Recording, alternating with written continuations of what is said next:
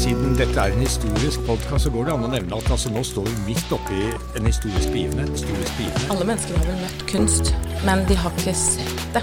Du kan si at vikingen har blitt et globalt fenomen.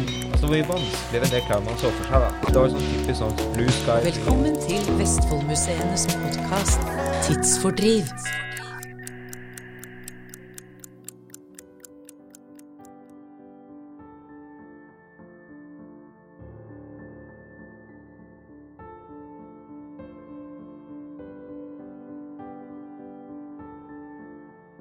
I 1895 så levde det en modig og løsningsorientert, vil jeg si, ung dame som het Ågot Netland i Hardanger.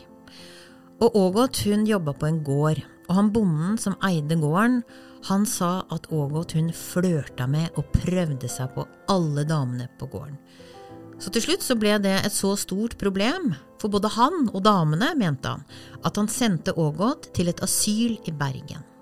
Han legen som tok imot Ågot, han gned seg i hendene. Og så skrev han en artikkel. Første tilfelle av homoseksualitet hos en kvinne, trodde han. Og så prøvde han å behandle Ågot med de midlene han hadde. Så han dyppet Ågot i iskalde bad, han hypnotiserte henne, og så ga han henne beroligende midler. Han dopa henne ned. Og så står det at han hadde samtaler med Ågot, hvor han spurte Men Ågot, har du egentlig prøvd menn? Ja, så godt. Elleve-tolv ganger. Men jeg blir bare kvalm, og jeg vil heller dø enn å være uten kvinnfolk.